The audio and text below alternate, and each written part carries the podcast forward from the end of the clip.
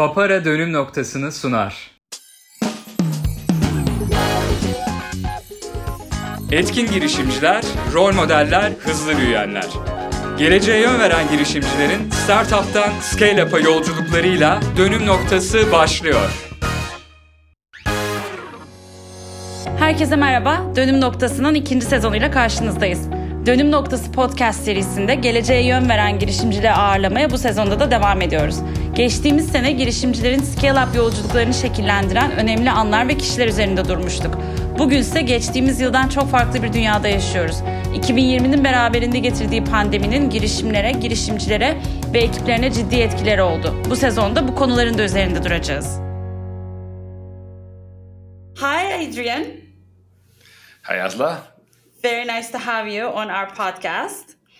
Um, so our podcast's name in Turkish is dönüm noktası, which um, basically means inflection point, which is a word phrase that we love at Endeavor, and we will get back to that in a little bit. But um, I first wanted to say welcome on behalf of the whole team at Endeavor Turkey. We're very glad to have you. Um, so far, we've only had entrepreneurs. This is the first time we're having um, somebody who's you know from our organization, and um, also you're the first non-Turkish guest of this podcast. So it's a big honor. Oh, so I have those those two hats to wear.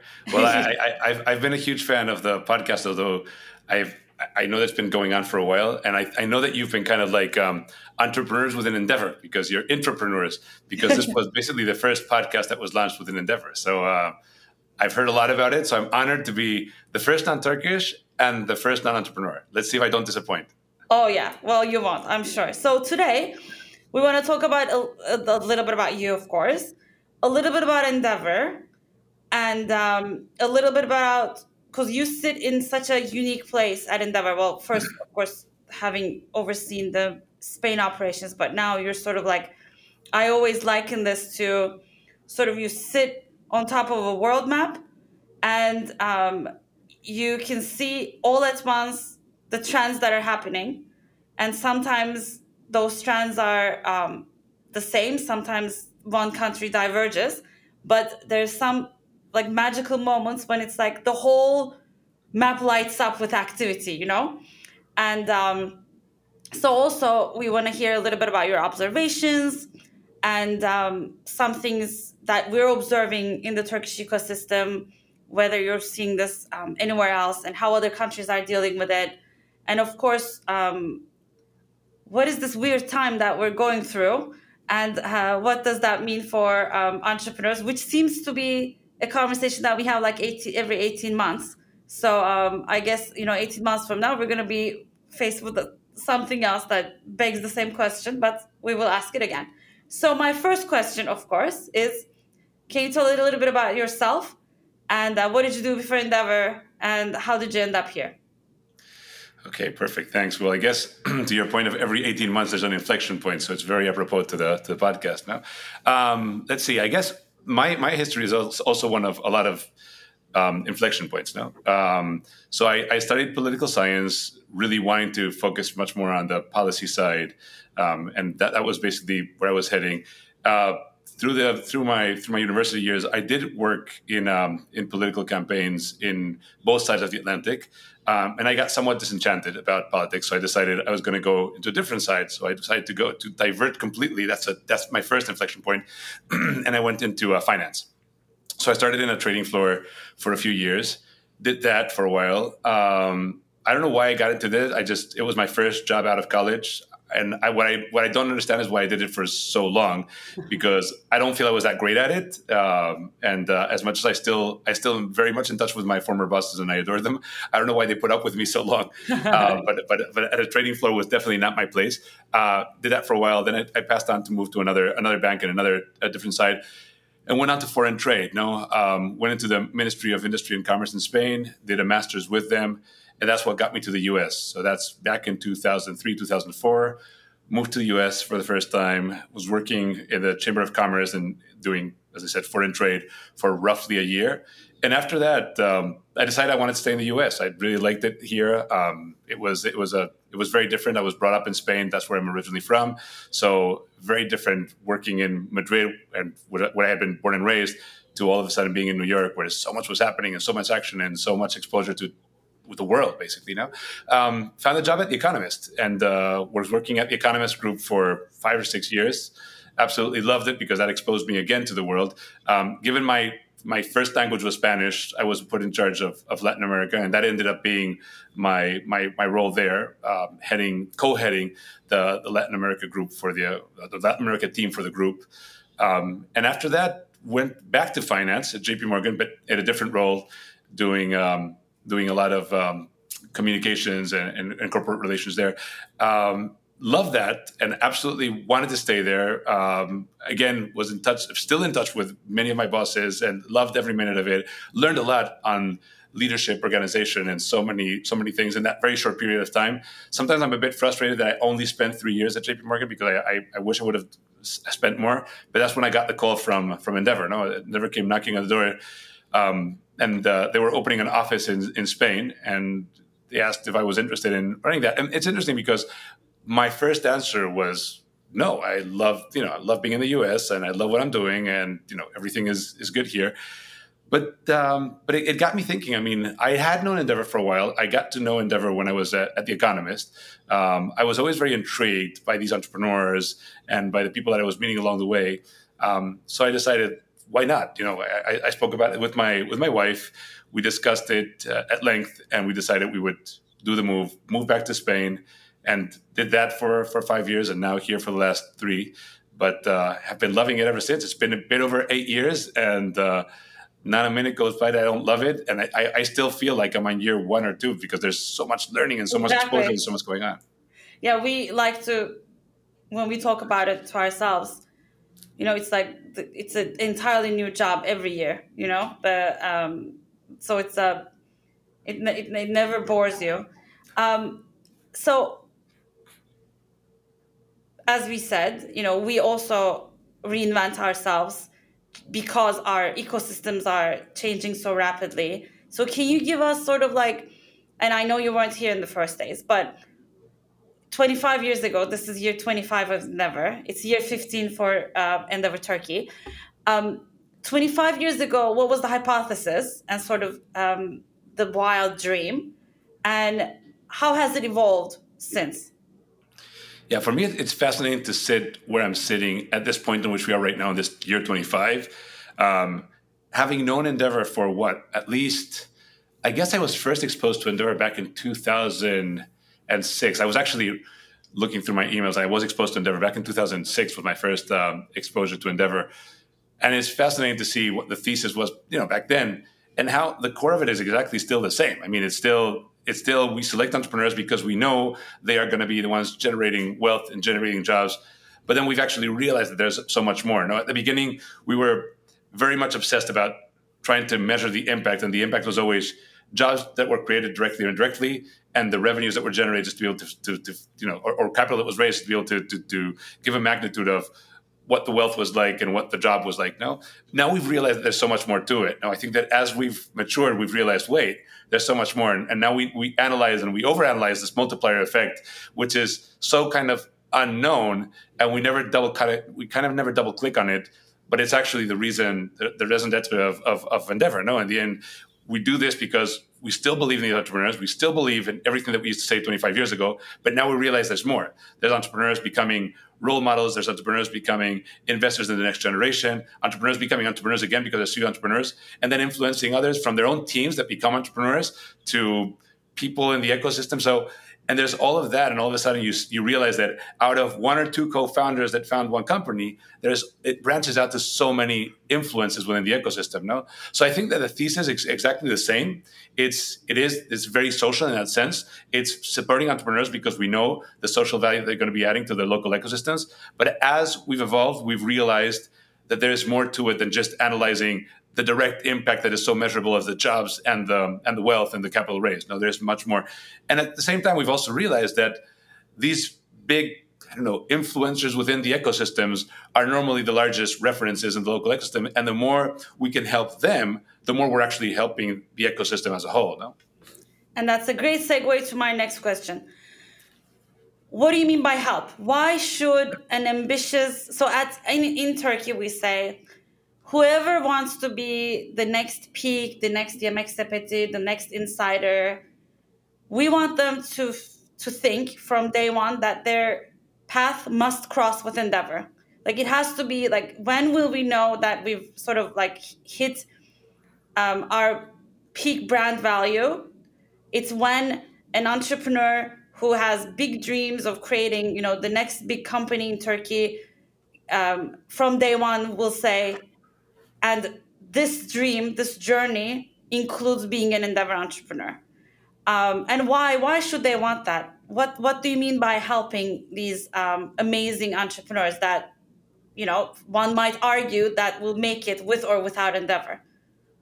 It's interesting because they very well could make it with or without Endeavor, but I do think that Endeavor just kind of changed that mindset. If, if I rewind, I go back to my days as, as a managing director of Endeavor Spain, trying to convince some of these entrepreneurs to become part of Endeavor.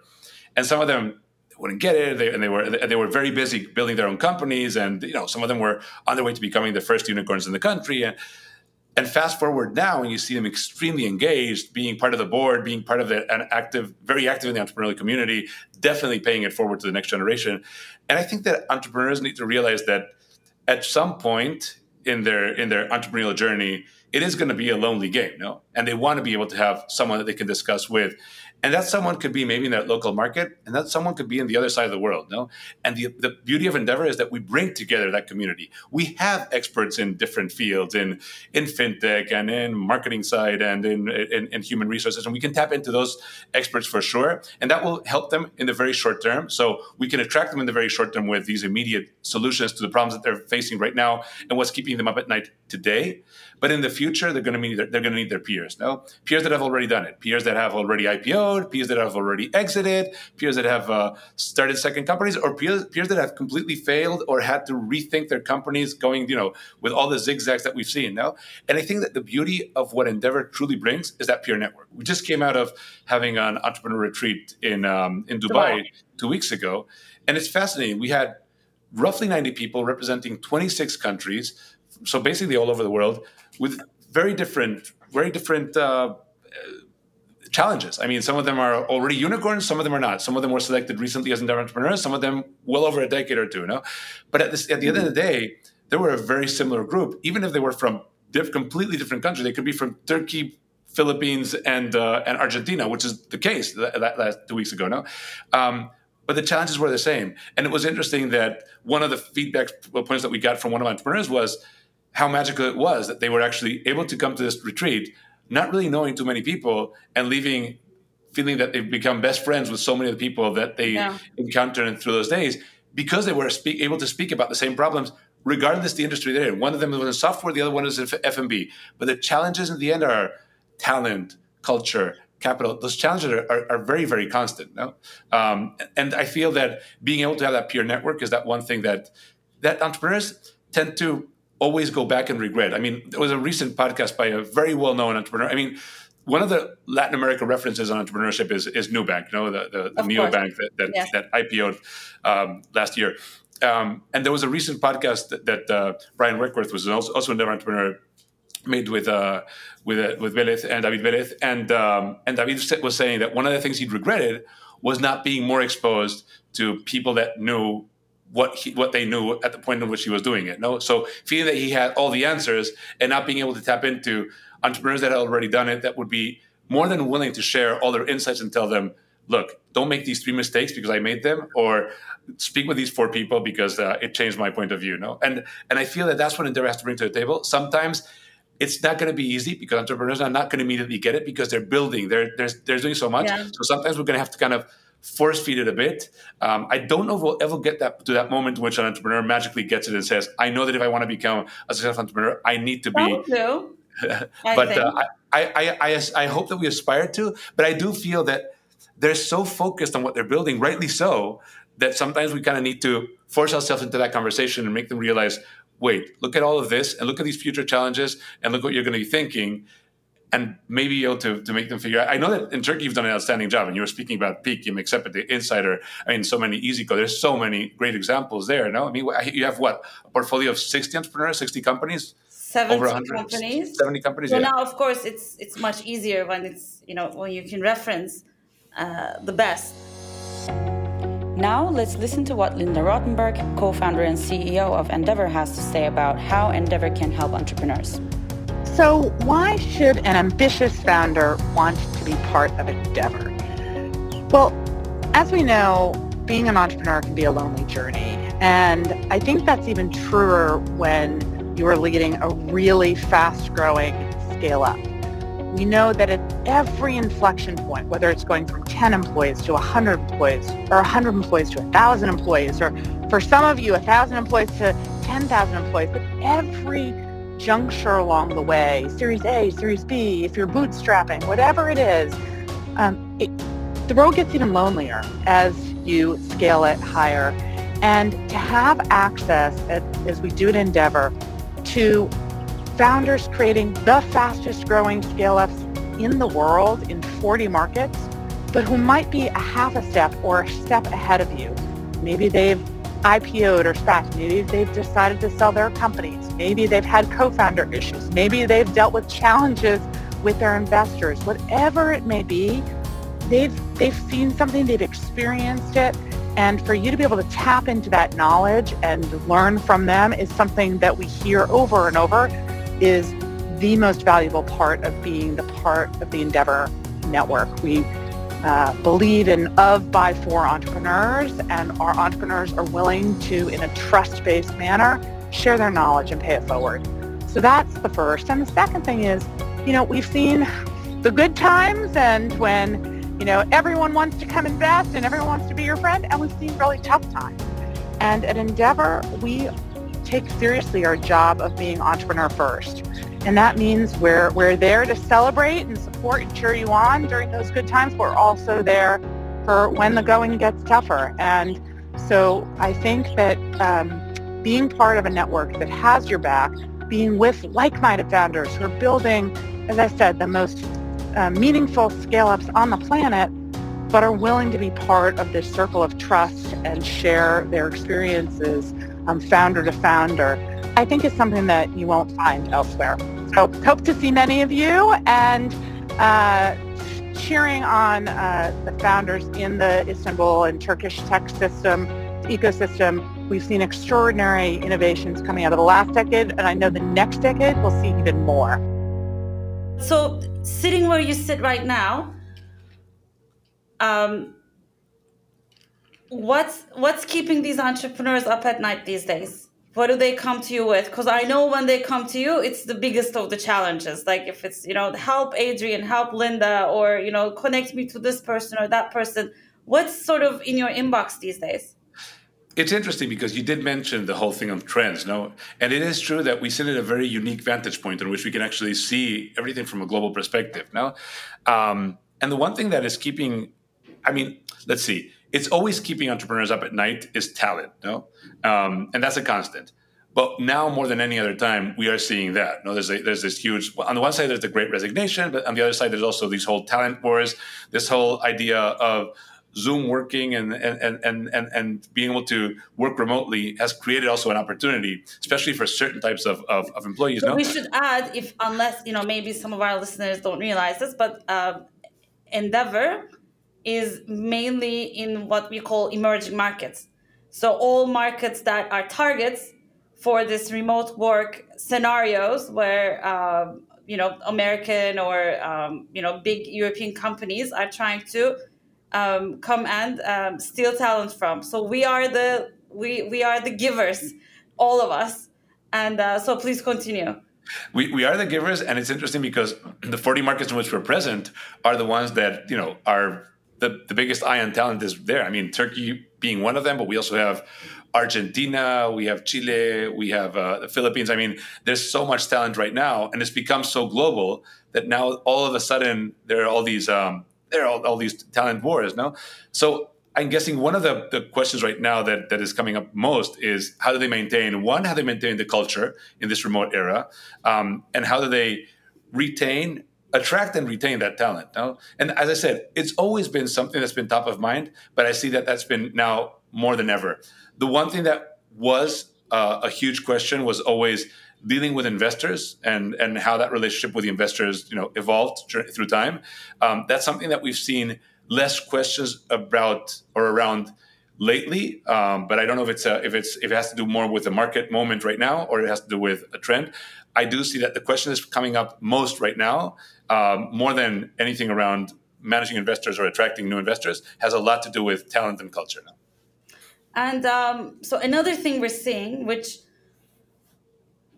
I didn't expect. So at the beginning of the pandemic, remember our first messages to the entrepreneurs or the messages that we helped relay from global VCs to entrepreneurs were very much capital is going to dry up.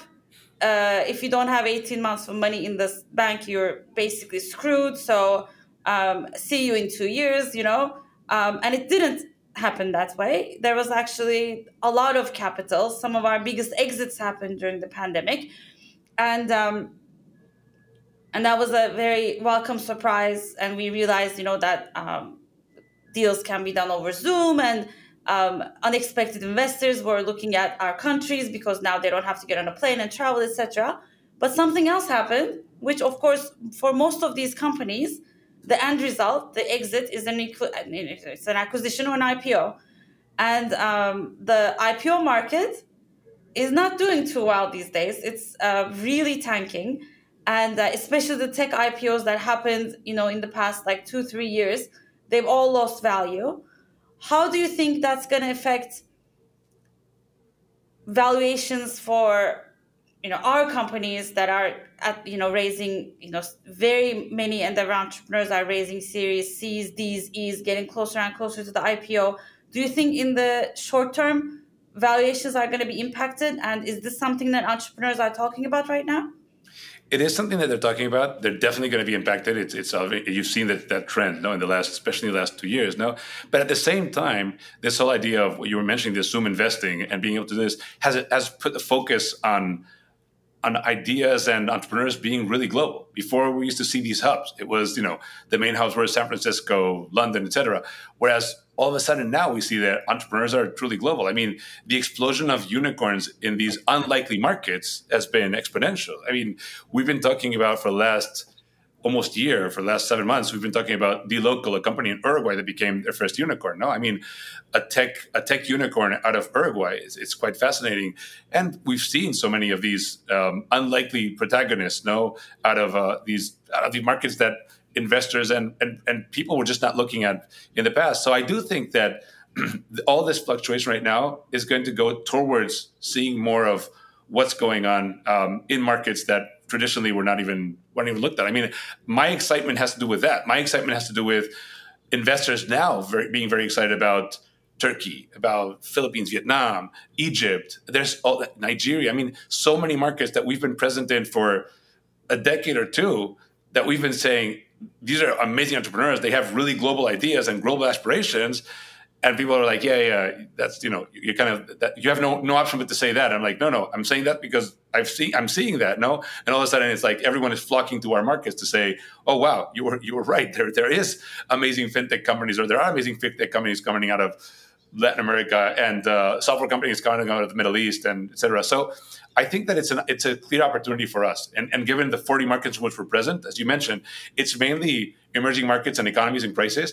It's the economies that people were not much systematically looking into traditionally in, in, the, in, the, past. And all of a sudden now there are these exciting markets. I mean, we've seen it with with Mexico in uh, 2020, 2021. Uh, we're starting to see it now in Egypt as well. I, and with, with, with Turkey, it's already been the case. Um, there's, there's all these kind of what we're calling here these uh, unlikely protagonists that are just, it's fascinating because yeah. it's the new trend.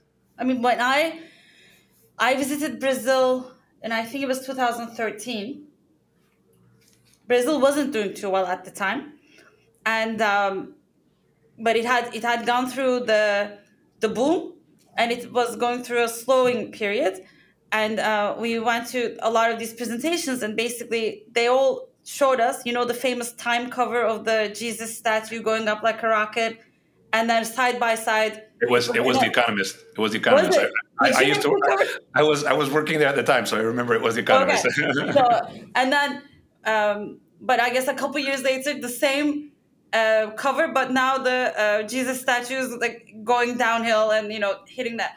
And I remember, this was the time when Turkey was actually on the way up. And I remember when I came back, I was like, oh God, I hope I never talk about our ecosystem in that way. And of course, fast forward like, you know, eight, ten years, now we are kind of um, in a, well, um, economy wise and um, ecosystem wise, um, sometimes, you know, not as excited or uh, happening as we were back then.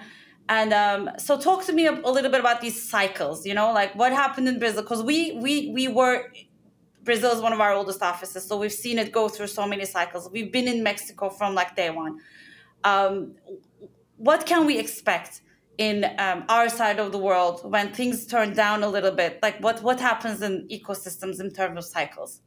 So, so it's fascinating. As I, as I said, I used to work at The Economist back then, and I was covering Latin America. So it was fascinating um, when that cover uh, when that when that cover took place. The president of Brazil was uh, was Lula, President Lula, and President Lula had a phrase that he coined that was uh, Brazil is the, the land of eternal promise. No, it was like always going to happen, but never quite happened. No, and it's kind of the case. I mean, it happens, and then it but but it has a, a fascinating internal market. Um, I think that we've seen just analyzing, I'm going to analyze Brazil first, and then I can analyze other markets. But if you look at Brazil um, exclusively, you had the first generation of entrepreneurs. Many of them were local entrepreneurs that had been trained and formed and had had had prior uh, experiences in international organizations. Actually, let me let me do a, an endeavor pitch right here. The first endeavor, the first Brazilian unicorn was 99 Taxi, which was a company that was acquired by Didi, which is a mobility company, and the co-founder of that company was a former managing director of, of Endeavor Brazil. No? So it was the former you and me, but in Brazil. um, so so it's uh, they, they, that means that meant that this person was actually exposed to uh, to international markets. No, um, and that was a, the, the first generation. I think the second generation has been a lot of these expats that moved to Brazil because they saw an opportunity to be able to adapt something that they'd seen. Um, and you could see there the cases of uh, of Florian from Loft, uh, you have Sergio from Creditas, you have David, we mentioned from Nubank. You have so many of these entrepreneurs, um, Ben from Via So, I mean, there's so many of these entrepreneurs that were foreign to Brian Requarth, who I mentioned from VivaReal. So there were expats that went into the local market because they saw the potential of the market, the size of the market, and the opportunity right there. And now we're seeing a next generation of entrepreneurs that are locally uh, developed. So they're locals, they're Brazilians that are now going into this, you know, with all the all the all the leveraging all the all the knowledge of their of their peers, um, but also leveraging the fact that it's become such an attractive market and also a market that is that has a, a lot of uh, attraction also from a capital perspective. And also international uh, funders are actually looking at that market. But we see a lot of local entrepreneurs now. It's now brazilians that are actually setting up the next brazilian unicorn. Now it's not the foreigners anymore. What is fascinating if i if i if i get myself out of brazil and i look at markets like turkey you know um, for me when i look at turkey I, I tend to look at two markets that fascinate me within Endeavor out of the four markets that we have. I mean, I'm fascinated by all, and they're all in different stages. But one that is that is is always fascinating is um, Turkey and Argentina. And I know that that uh, there are not that many similarities, but if you allow me for a second, I'll tell you. I feel there's a, a ton of similarities. One, there's always that economic political uncertainty, which also leads to fluctuation. But the the quality of entrepreneurship is just outstanding. I mean, we were talking about Insider Yemek Sepeti and um, and Peak. I mean, or an easy. I mean, very four very different companies, and we're talking about fintech, we're talking about delivery, we're talking about gaming, we're talking about media. I mean, it's it's it's fascinating to see that so diverse sectors represented. No, in an economy that that uh, that is not characterized by by being constant. No, no. but entrepreneurs are very resilient, uh, very global from day from day one. No, and we see the same in, in Argentina. I mean, Mercado Libre, Globant, Ualá, Community, so many of these uh, unicorns are future unicorns in the in the in the country. And I'm fascinated always always because I see the the divergence. I mean, not divergence, but the diversity actually in uh, in sectors represented. No, because many times if you look at markets they have two or three sectors that are core, the, the core representation. No? So maybe if, if it's a it's a fintech market or if it's a SaaS market, you see a lot in that kind of sector. Yeah. But all of a sudden, you see markets like in my case, when I'm when I'm looking at uh, at Argentina and um, and Turkey, I'm always fascinated. I'm always I'm always looking what is the next company that Asa is going to bring. Huh. What sector is going to surprise us out of Turkey? And, and and I I can never get it right because it's fascinating. And Argentina is the same thing. Those are two markets. I'm not saying that I'm not fascinated by all the rest of the markets in which we're operating, but the ones that always bring these kind of like complete different sectors are are those two. No, so I, I guess it has a lot to do with that resilience and that, that fact that you know that instability makes for very resilient and, and, and global entrepreneurs. No, this is true, and um, so I guess one of the things that must hit your inbox a lot is expansion into the US. And um, so in Turkey, so the, the one of the things that I think sets us apart from like in Argentina. Argentina's backyard is Latin America. They speak the same language, soft landing into Spain, to Europe, you know, like the, the path is almost um, there. Um, or, you know, if you're in Egypt, you have both the Arabic speaking countries, plus you have Africa. In Turkey, um, no one really, other than us, speaks Turkish. And um, the, I mean, we're surrounded by, I mean, a lot of um, different neighbors, a lot of conflicts with neighbors as well, and lots of different languages, etc.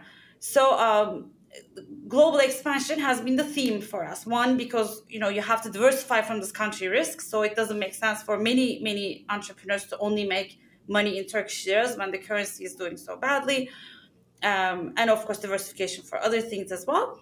And um, a lot of the, I think our this generation of entrepreneurs, the story is going to be of one of successful international expansion so now for gaming companies, obviously this is super easy.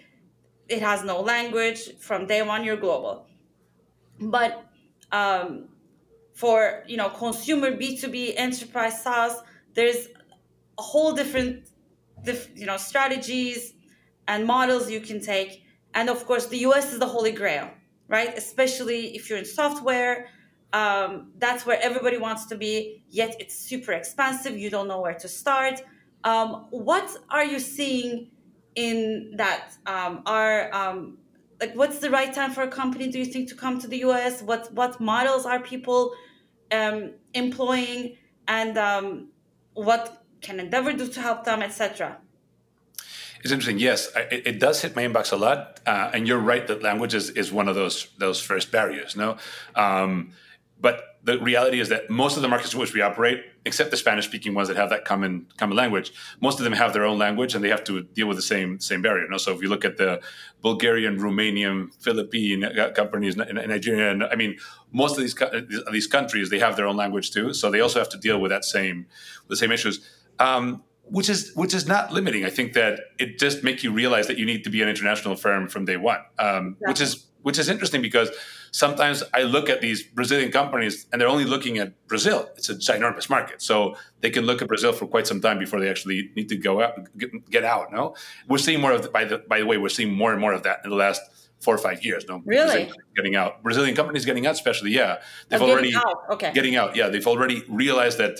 They've, they've satisfied their local market, but they also have something to offer international markets. So they're they're they're, they're, they're landing in, in other parts of mainly the other parts of of, um, of Latin America. No, um, but as far as what you were asking of, of the question of what what I get mostly is it, it is that normally the companies that are expanding into the U.S. they've already proven their model for sure in their country if not also in their region. No, so mm-hmm. most of the times they've already expanded regionally and they already have a proof of concept that there is something there. There is an added value of what we can do.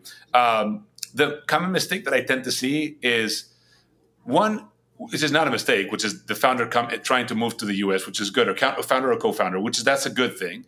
Um, so I'd say that's not a mistake. But the mistake that I do see is trying to bring someone from your local hero, your regional hero, trying to bring, export them and bring them into the U.S. and try to do a plug and play model in which, well, they already know the company, they already know the culture. Let them now sell into this new market, which has nothing to do with the market that they're they're mm-hmm. penetrating. You know? And I always try to tell everyone treat the US as if it were a small village in which everyone knows each other, although it's not the case. But there are there are similarities, and you try to ha- you do have to try to hire at least some of the some of that local talent, especially on the business development side. I'm thinking much more. Obviously, all the operational part is going to and, and, that is going to be based out of the local country. But mainly when you're trying to expand, you're trying exactly. To you're trying to introduce yourself into new clients no and trying to get new clients does tend to imply you need to get someone that actually understands those clients understands that needs kind of speaks the same language and i'm not speaking about english i'm speaking about the same corporate language knowing what the times are. I mean there are a lot of cultural differences between doing business in different parts of the world um, and the us is just like any other one no? And with with its pros and its cons no?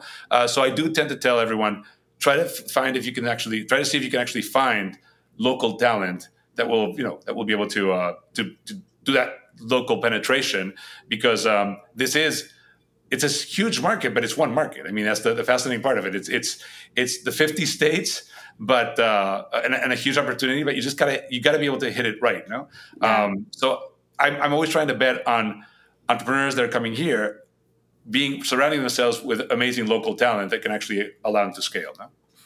And the US also is changing, right? Because it used to be that you know, for a software company, you had to be in the Bay Area. Mm-hmm. For like, if you're going to do fintech, maybe you have to. Miami, where is that coming from? I mean, the um, when we when did we open our office in Miami? 2012. 10, 10 years ago, yeah, 2012. 2012.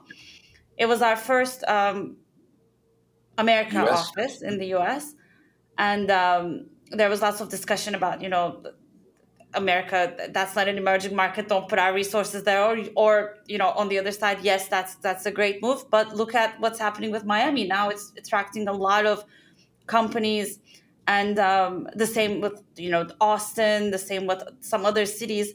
So um, the the U.S. path is also it can take many shapes and forms right now. It seems, and um, so it's not like oh well you know you move to the Bay Area and um, that's that. Yeah, you definitely need to you need to figure out where you want to penetrate, um, and you you want to be able to validate your concept with that first client or clients, no? Just to be able to say, this does work here. No? So I already have a bunch of international clients. What we have seen a lot is people that are leveraging their, exist- their, their existent uh, client network to actually be able to, so they're already working with the affiliate of company A, uh, yeah. uh, that is a U.S. company, and then they're just trying to, you know, they're trying to go upstream and figure out how they can actually work with the, with the headquarter or the head office. No, we've seen a lot of that, but a lot of times it's about being able to prove that your model is, can work. And some companies we've even, we've even seen they've actually even gone to the point of trying to brand themselves as a as a as a U.S. company so that people realize that they're operating as a U.S. As, as a U.S. as a U.S. Yeah. company, you know, uh, I'm not saying necessarily that's the case. That should that should be the case, but we have seen it. Um, whatever works but in the end you do need that validation from a local from a local perspective in order to be able to, to expand. But um, it does go back to talent. I mean having that right uh, that right local talent that you could that you could leverage to be able to introduce yourself into those into those what are some do you have any examples of endeavor companies that are successful in the states? I mean look uh, it's the, the one that comes to mind when I'm thinking is when I was working in, in Spain, um, it was um, AlienVault, which was a company that was then acquired by um, that was then acquired by uh, AT and T. It was ah. actually the largest tech acquisition um, for for a Spanish company. You know, um, but it was fascinating because. Uh, their model, so they were there was a, a cybersecurity firm, um, and what they did was they offered what they were offering was a corporate offering. It was a it was a, a, a corporate sale, and in Spain, doing a corporate sale at that level required a lot of in-person meetings because they were selling a, a product that's a subscription that was that was the price point was roughly six to seven thousand dollars. Now, so six to seven thousand dollars in Spain required a couple of in-person meetings, dining and dining and in-person meetings. Whereas in the U.S., they realized they came here and all of a sudden they realized that these these um, these sales could be done with a phone call. I mean, they could just have they could have a huge team of telemarketers. So they got here, they realized that they didn't need to meet in person with their clients. They just needed to have a very well trained for you know sales force, but it could be based out of out of city A, and that was really it. And that's what they did. That's that's how they went about it. And all of a sudden, they were just it was much more of a, of a, of a different different conversion rate and different kind of different game. No, all of a sudden you were able to close these relatively larger deals, and they were, and, some of them were significantly larger. But you could do it over the phone in one or two calls. No, um, so it did change hugely, and obviously that led them to reconfigure their whole business and bring the whole model to the U.S. and just redomicile in the U.S. That was just because at one point 70, 60% of their revenues were coming from the US now. Yeah, which led to their acquisition, of course. That- Which led to their acquisition, yeah, I by mean, a US I company. think what um, we are trying to do and what we can do together even more is to collect these stories of successful global expansion, especially in the US. Because what I mean, I, when I talk to people about Endeavor, like you're gonna hear a couple of words over and over. One is inflection point. One is role model effect. You know, one is blah blah, and um, the role model effect, like that. This is also a role model effect. You know, like the successful U.S. expansion role models who can then talk to um, entrepreneurs who are in this process um, because it's one it's very costly. So most companies don't have the luxury to try and fail and try and fail. And um, there's so many like i think one of the things that comes very easily to people is to do this through partners. Because you know it's like you can sit where you sit and you find partners and they sell your stuff for you but rarely I think very often it doesn't work because you, the um, and in, investors aren't crazy about the model and the you know that partner. Well, th- th- those investors also are, are, are a huge part of the help. I mean, they, they, they can help out with those initial connections. no? Yeah. Um, I, I told you about an example that came to mind, which was the first one that came to mind because I, I just remember how mind changing it was for them, the model, what they were selling in Spain versus the US. But we have several successful entrepreneurs that have expanded to the US. I mean, I, I keep on thinking of, of, of companies like, uh, I don't know, Descomplica, Insider in Turkey, um, uh, Blueground from Greece. I mean, there's there's several Yeah. that have actually been able to land successfully in the Yeah. US. Many of them have, most of them have actually implied their founders moving to the US and then obviously surrounding themselves also with, uh, with a local team. And Insider left US almost to the last, if you think about it. Like they Mhm. conquered many, many different parts of the world. And just like you said, like by the time they hit US, they had this big list of international successes and clients and proven models behind them. Yeah. Um, and of Uh, course, a lot of money in their war chest. You know, lots of money in the bank for their U.S. expansion, and they just raised another round. So it's um, it's um, it seems like that's and more and more. It's uh, of course, salaries are going up, right? Like, what's the? I mean, what we're seeing here, you're also seeing there. It's an. I mean, when was the last time America went through inflation? You know, or Europe? Like, this is all things that um, they have to get used to. But wages are going up um, talent is hard to come by so it's a it's a it, it takes a lot of preparation to to expand into the us in this condition Well, that's, that's that's the good thing of, of, of coming from a from a market with so many ups and downs. Is that, for example, you're used to these things. I mean, here people are kind of thinking, "Oh my God, um, it's uh, inflation. What do we do?" And and in other markets, like, yeah, inflation. We know what to do. I mean, so it's it's kind of like when when when the pandemic started and, and markets all of a sudden shut down, and you know people were like bracing themselves. We had so many entrepreneurs that have been working on, on in countries that have shut down so many times and they were just giving us courses on resilience. It was like well look this is what you do this is what you focus on this is what and and it was fascinating. I mean it wasn't a pandemic but it was other things that have actually forced those markets to shut Yeah. down so they were used to it. Resilience is definitely there now and it's also i mean I mean, what's going on to the north of us here is, is is very sad but talk a little bit about this whatsapp group that you and i are both in that's um, entrepreneurs from all over the world trying to help their entrepreneurs in ukraine and russia you know like those two countries are at war but um, we have entrepreneurs that have employees in both countries and how how how that community comes together Yeah, so it was fascinating when when the war broke out. It was a, a Wednesday, and Thursday we were already getting a lot of different requests, and we were trying to centralize it. We just didn't know how. So the most the most agile thing to do was just put together a, a WhatsApp group, and, and we put together a WhatsApp group in which we had the founder or co-founder of one of the companies with the person that they designated as their point person with the managing director of each country that w- in which you know that that, that entrepreneur is from.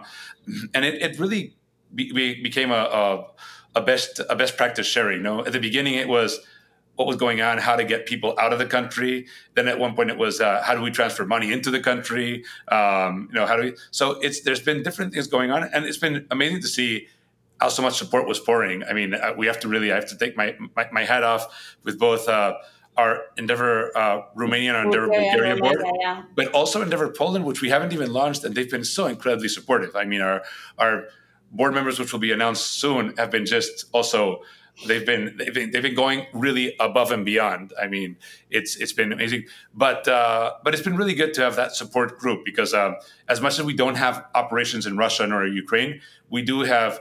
Um, entrepreneurs that have teams there. Some of them have significant teams and significant Yeah. presence. Some of them had a couple of developers, a couple of teams. So it went from we had entrepreneurs that had several hundreds of employees in in Ukraine to having entrepreneurs that had a couple of employees, no, Yeah. but they were all going through the same exact same uh, same process. I mean, we were you, you and I who've been in the group, we've been able to, to learn a lot. I mean, it was from from the early days of just being able to cross the border and who could cross and who couldn't, and being able to define that to the, to then the, the complete shutdown in which only females and children can actually go through the border, and and and over uh, people over sixty could go through the border, but but um, males in that that range could not. To being able to know which borders were the ones that were safe to cross, uh, now to being able to bring money into the country. So And it's, it's been almost like our friends in Bulgaria and Romania were saying, I will meet them at the border almost, you know, like it was, it, that was, it was well. That's that what I was saying. I mean, of a support system.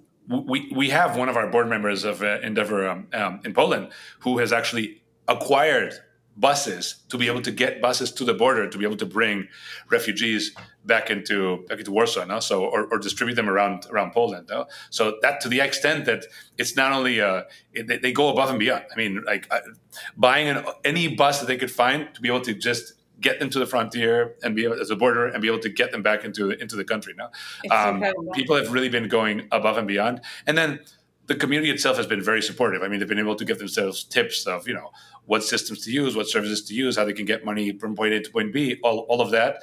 Uh, which border crossings were safe, um, which, which parts of the country are are safer than others. No, so it's been it's been good um, within all the sadness of the of the situation which it is.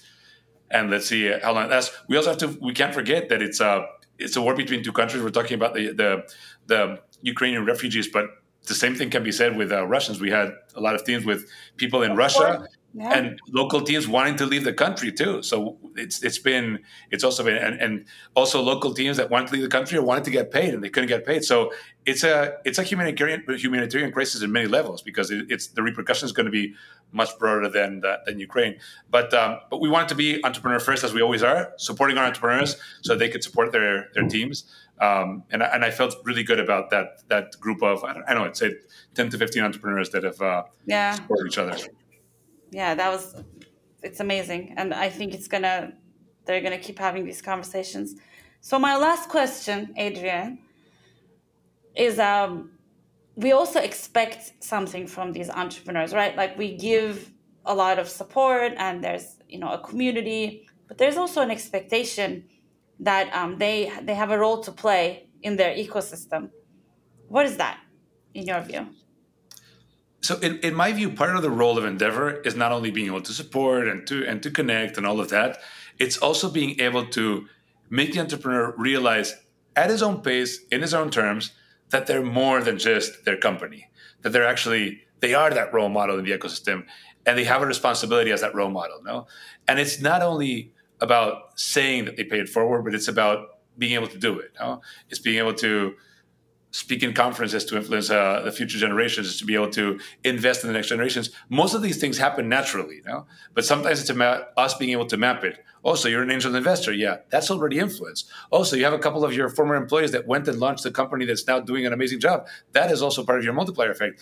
And it's also being educating them that they are more than just a company because in their day to day, they're they're closed in their offices trying to deal with all the problems of hypergrowth. With you know i have to raise around. I have to figure out what to do with my with my core talent. I have to be to figure out what to do to retain it. And, and at the same time i'm expanding into a new market and all of those and and, and my investments in technology and all of that is their day to day but we have to kind of allow them to come out of their day to day to realize that they are they've become a force in the local ecosystem. And some of these entrepreneurs one day, you know, raise a mammoth round, become a unicorn, and all of a sudden everyone's looking at them. Wait, where did this company come from? No, most of the times we've seen that company, we knew it, we were not surprised. But in the local ecosystem, everyone is like, where did this happen? And part of our role is making them realize that they're more than just themselves now, um, and try to, you know, get them into this mentality of, of of paying it forward, especially in countries in which maybe that mentality is not as present. No, Yeah. I mean there there are markets in which that that is that is just ingrained in the in the in the culture and, and the in the education system. But in countries which it's not, we need to be able to to tell entrepreneurs, okay, you've done it, you've made it, you're successful. Now you need to inspire the next generation. Now you need to be now you need to be this. This is what this is what the this is what the local ecosystem expects from you. Now, and, I think a lot of the um, smaller endeavor countries with uh, big um, diaspora um, populations have also sort of taken this task of being the bridge between their diaspora founders and their local country, right? So we see this in like Lebanon and Greece and Bulgaria and some of the smaller countries where um, a lot of founders, I mean, there's a lot of people of that country's descent who've now gone to create companies like elsewhere in the world in another endeavor market maybe, and um, and they they become endeavor entrepreneurs because they want to have closer ties to their community and sometimes this leads them to like hire people in that country even if they hadn't before create like r&d centers and this and that. So i think that's also very valuable because we are now going through that like turkey for a long time we didn't lose a lot of talent you know? We were like a quite closed community and uh, but in the past like four or five years we're seeing a lot of people, well, first that leave the country altogether, um, and then you know they may or may not end up founding businesses. Sometimes they join successful startups. This is like even before they start these companies. So it's um, I, it's one of the things that keeps me up at night. But also like um, when I force myself to see the glasses half full uh, situation, like like I think like having a successful diaspora is such a big asset for us locally. And um, I get to the point where I'm like, well, now every single entrepreneur who wants to expand to like Germany or America or, you know, um, England knows at least one person there from like their university days or something. Like they can call up and say hey like how, what is it like doing business there right? Like the, the, these global connections this is how they happen. So um, this is how i uh, make myself uh, less worried about the, the brain drain that the, the problem that we're having. But I think one of the things, the big roles that Endeavor plays is through this international community creating bonds of diaspora founders to their um, local countries. And, and those diaspora founders sometimes are also already the role models of the local country. So the local media has picked up on them and, and they've been references. I mean, I, I, I I can't help thinking of Henrique from from Brex, no, which is a Brazilian entrepreneur that founded this uh, this fintech company, financial services company, actually, um, in the U.S. And their core market was always the U.S. But he was always regarded as a Brazilian entrepreneur, you know. So now now it's become it's an entrepreneur, by the way. Also now a decacorn as well. So yeah. using these, these, sophisticated terms, but but uh, but at the same time, a local reference in Brazil. Now he does have presence in Brazil and is expanding into Brazil and has team in Brazil. But uh, back then, he was being was being highlighted as a Brazilian entrepreneur as that role model for Brazilians, um, and he had no presence in Brazil. He was originally Brazilian, no? but we have many of these, many of those founders that are coming from these local markets. Um, they might have not been, they might have been trained in that local market, but their their business is not present in the local market. But uh, they they do want to be somewhat uh, somewhat linked. We can help bridge that so that we can actually create that link, or we can actually, you know, just act as a as a as a as a speaker, a megaphone for for that that influence to be bigger. No. Excellent. So my last question: What's the best part of your job? Oh my God, so many things. I mean, really, the, the job is amazing. I, mean, for a person like me, if if if you read Malcolm Gladwell's uh, book, The Tipping Point, I, I, consider myself a connector. No, so I love being able to meet people and then being able to connect them. So my favorite part is just being able to connect, connect founders with founders and people with people, and uh, and just meeting new people and and always learning and being exposed. I, I came back from this Dubai event so full of energy, just being able to be surrounded by entrepreneurs. I had a list of 50 people I wanted to speak with, and I only spoke with 20 of them. I'm so I'm frustrated. I'm still kicking myself for having missed the other whatever. Uh, but it was just so energetic. I think that it's it's it's a very unique job. I think I'm, I'm always I'm always telling people like join Endeavor when they join in their, their, this is their first job or they join as an intern. I, I always tell them and, and I and I mean it with my from my heart. I'm jealous. I'm, I'm that, that you you were able to get this job as your you know, Oh, as your first job. Yeah. because uh, it took me a few years. I'm now, I'm now in my mid 40s, and, and it took me a few years to find it. No, but it's amazing. It's it's so inspirational and, it's so rewarding at the same time. No, um, there's really so much to love.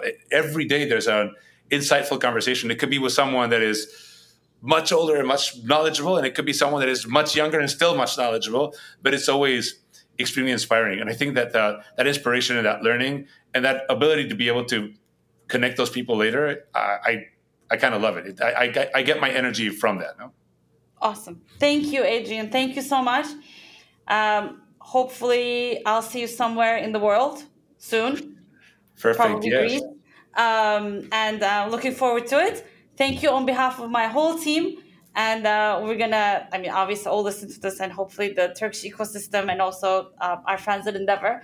But um, your insights are always so valuable, and um, the I am also, I mean, you know, I've been here for a long time, and I'm still very excited about where we're going and uh, what what the the our ecosystems are turning into, and our entrepreneurs and their second companies. We'll see them through their third companies, and it's um, it's amazing how with every new company, they are energized, they energize us, and it's um, it's it's it's why the the job never gets boring. But thank you so much. Good morning to New York, and uh, thank you for taking the time to speak with us today. Asla, thank you so much, and thanks to your amazing team who is always uh, is doing. I mean, they're always impressing me with something new. I was able to spend some time with your teammate in, in in in Dubai as well, and I'm eager to one visit Turkey, so find an excuse to go to Turkey, or two engage and meet up with you and, and the rest of the team at some event, hopefully Greece, and if not, something sooner, hopefully rather than later, in the year. Awesome. Thank, Thank you. you. Podcast'imizi bitirmeden önce ikinci sezon ana sponsorumuz Papara hakkında kısa bir bilgi vermek istiyorum. Papara, 2020 senesinde Endeavor girişimi seçilen bir fintech şirketi. Papara ile hem web hem uygulama üzerinden 7/24 ücretsiz para transferi yapabiliyor, faturalarınızı ödeyebiliyor ve bütçenizi yönetebiliyorsunuz. Ayrıca Papara kartınızı tüm dünyada kullanıp borçlanmadan harcama yapabiliyor ve cashback özelliği ile anında nakit kazanabiliyorsunuz. Papara ile ilgili daha fazla bilgiye www.papara.com'dan ulaşabilirsiniz. Dönüm noktasını destekledikleri için Papara'ya teşekkür ediyoruz.